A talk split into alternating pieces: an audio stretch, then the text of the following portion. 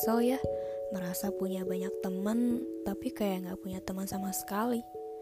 Sekalinya ada janji buat meet up, mereka selalu batalin dengan alasan yang gak masuk akal. Malahan ada yang baru diajak, udah banyak alasan aja gitu. Padahal waktu dijadwalin buat meet up, responnya antusias banget. Dan malahan mereka yang nentuin hari. Nah, yang bikin aku kecewa itu pas hari H di mana kita mau meet up, tiba-tiba batal dong. Dan alasannya katanya sih keperluan mendadak. Ya, aku coba terimain aja alasan itu. Tapi ada hal lain yang bikin aku makin kecewa. Katanya keperluan mendadak. Tapi tiba-tiba aku lihat mereka upload foto bareng sama teman-teman barunya lagi meet up. Otomatis aku kaget dong.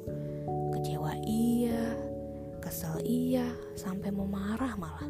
Perasaan itu ada semua. Ya aku ngerasa udah bener-bener gak dianggap. Ya mungkin mereka lebih klop kali sama teman-teman barunya buat meet up. Ya syukur deh kalau gitu, aku ikut senang.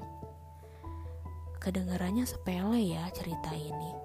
Tapi kalau ngalaminnya lumayan sering, ya aku bete juga. Aku juga punya hati loh, kalau digituin terus ya merasa gak berharga aja. Dan merasa gak dianggap lagi sebagai teman. Kalau udah ngalamin kejadian ini, jadi ingat sama pepatah. Jangan meletakkan harapan 100% pada manusia karena manusia itu dapat berubah seiring waktu. Iya, bener banget. Tapi ya udahlah, aku coba ikhlasin aja kejadian itu dan coba berpikir positif. Yang penting aku ada niatan untuk menjaga tali silaturahim. Mungkin sekarang aku lagi ngadepin tahapan kekecewaan dari sebuah ketidaktulusan dalam berteman. Keren kan bahasanya?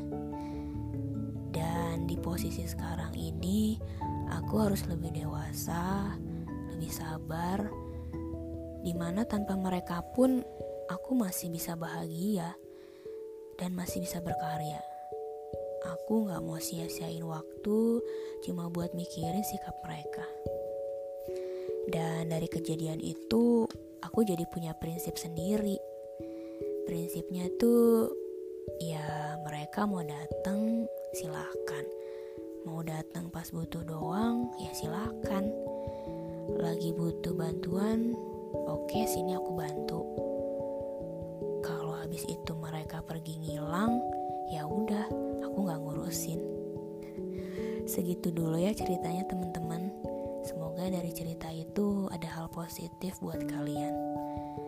Nah, terima kasih udah mendengarkan. Aku Titai.